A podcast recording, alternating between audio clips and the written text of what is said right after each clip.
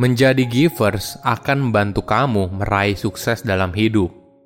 Halo semuanya, nama saya Michael. Selamat datang di channel saya, Sikutu Buku.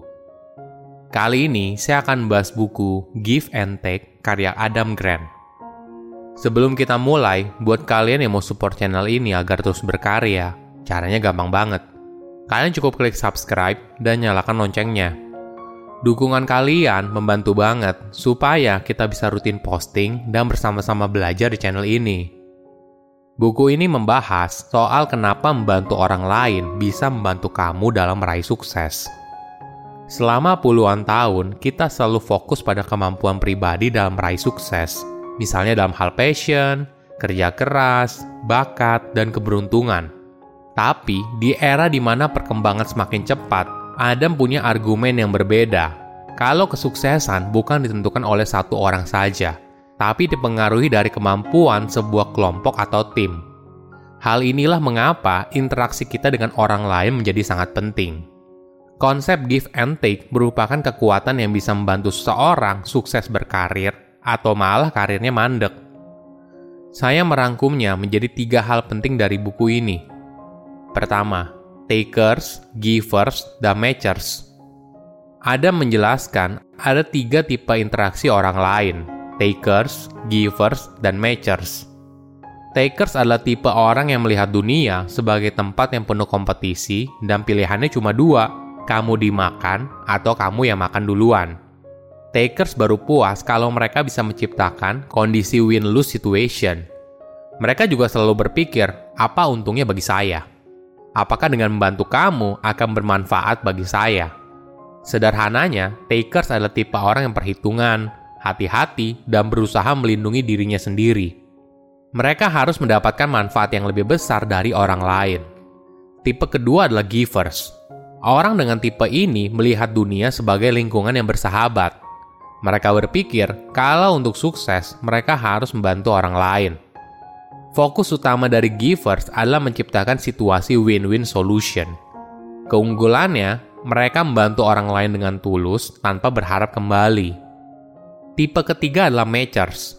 Hal yang paling penting bagi orang tipe ini adalah keadilan. Ketika mereka membantu orang lain, mereka juga berharap orang tersebut berlaku yang sama. Kebanyakan orang merupakan tipe ketiga. Mereka akan membantu kamu ketika kamu sudah membantu mereka dulu tapi ketika kamu meminta bantuan mereka, kemudian kamu tidak membalasnya, maka hal ini akan membuat jengkel seorang matchers. Contoh dari tiga tipe orang ini adalah ketika kamu sedang pindahan rumah minggu depan dan butuh bantuan. Seorang giver akan cek jadwal dia, dan apabila jadwalnya kosong, maka dengan senang hati dia akan membantu kamu.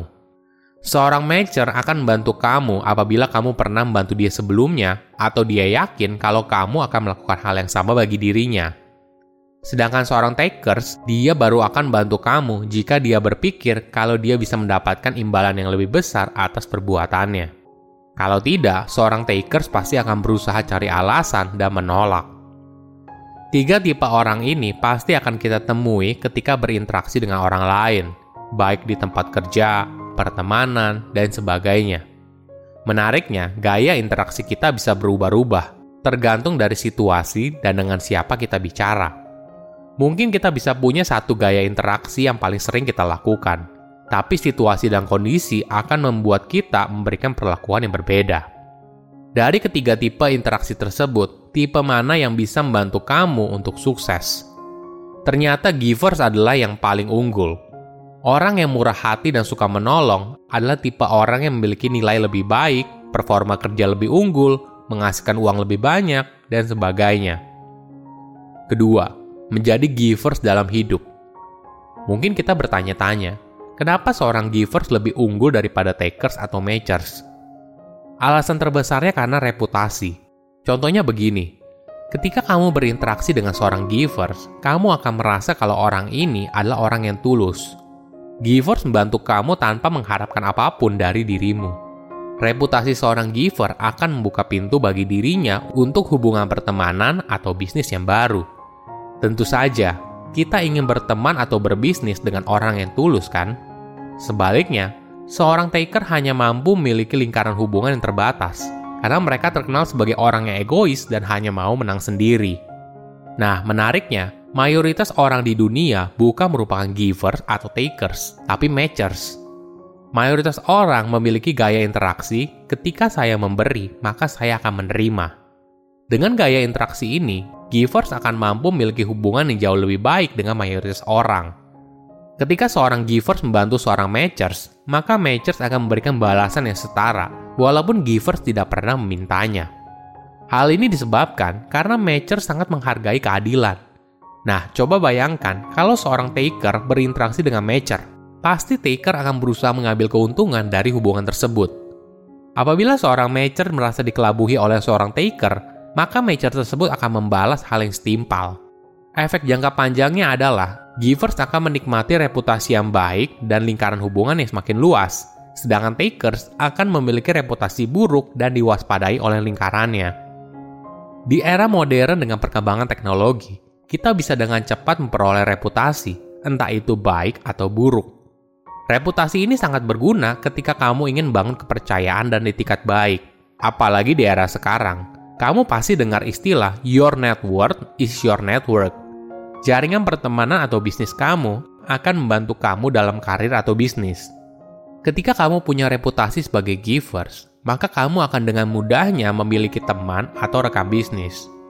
Mana ada sih yang tidak mau berteman atau berbisnis dengan orang yang baik, suka menolong, dan tulus? Sebaliknya, kalau kamu sudah punya reputasi sebagai takers, maka orang akan waspada ketika berhubungan dengan kamu. Dalam hati mereka, pasti mereka akan takut kalau kamu mungkin akan menipu mereka.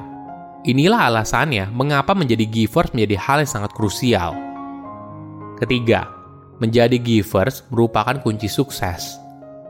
Di masa sekarang, mayoritas pekerjaan kita bukan pekerjaan individual, tapi berkelompok. Kita harus bisa bekerja dengan orang asing. Itulah sebabnya membangun kepercayaan menjadi dasar yang sangat penting dalam sebuah hubungan. Kepercayaan baru bisa dibangun apabila kamu sudah memiliki reputasi awal yang baik. Bahkan bila kamu tidak bekerja dalam sebuah tim, kamu mungkin bekerja di industri jasa atau melayani orang lain. Pada zaman kakek nenek kita, mereka mungkin tidak perlu banyak berinteraksi dengan orang lain. Tapi di era sekarang, setiap orang terhubung satu sama lain, apalagi industri jasa juga semakin berkembang. Maka menjadi seorang givers merupakan satu hal yang krusial. Coba bayangkan seperti ini. Misalnya kita butuh jasa orang lain, entah itu servis AC, bangun rumah, dan sebagainya. Apakah kamu mau bekerja sama dengan orang yang memiliki reputasi buruk dan suka menipu, atau sebaliknya? Tentu saja dengan orang yang punya reputasi baik dan memiliki hasil yang bagus. Ada hal lain yang menarik. Givers adalah orang yang melihat kalau sebuah hubungan adalah investasi, dan tentu saja butuh waktu untuk kamu menerima manfaatnya.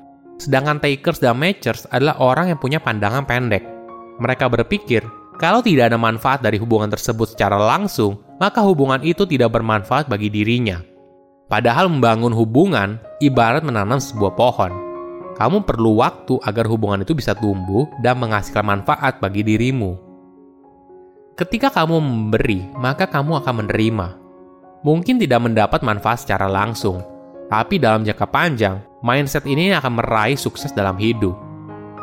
Silahkan komen di kolom komentar pelajaran apa yang kalian dapat ketika baca buku ini.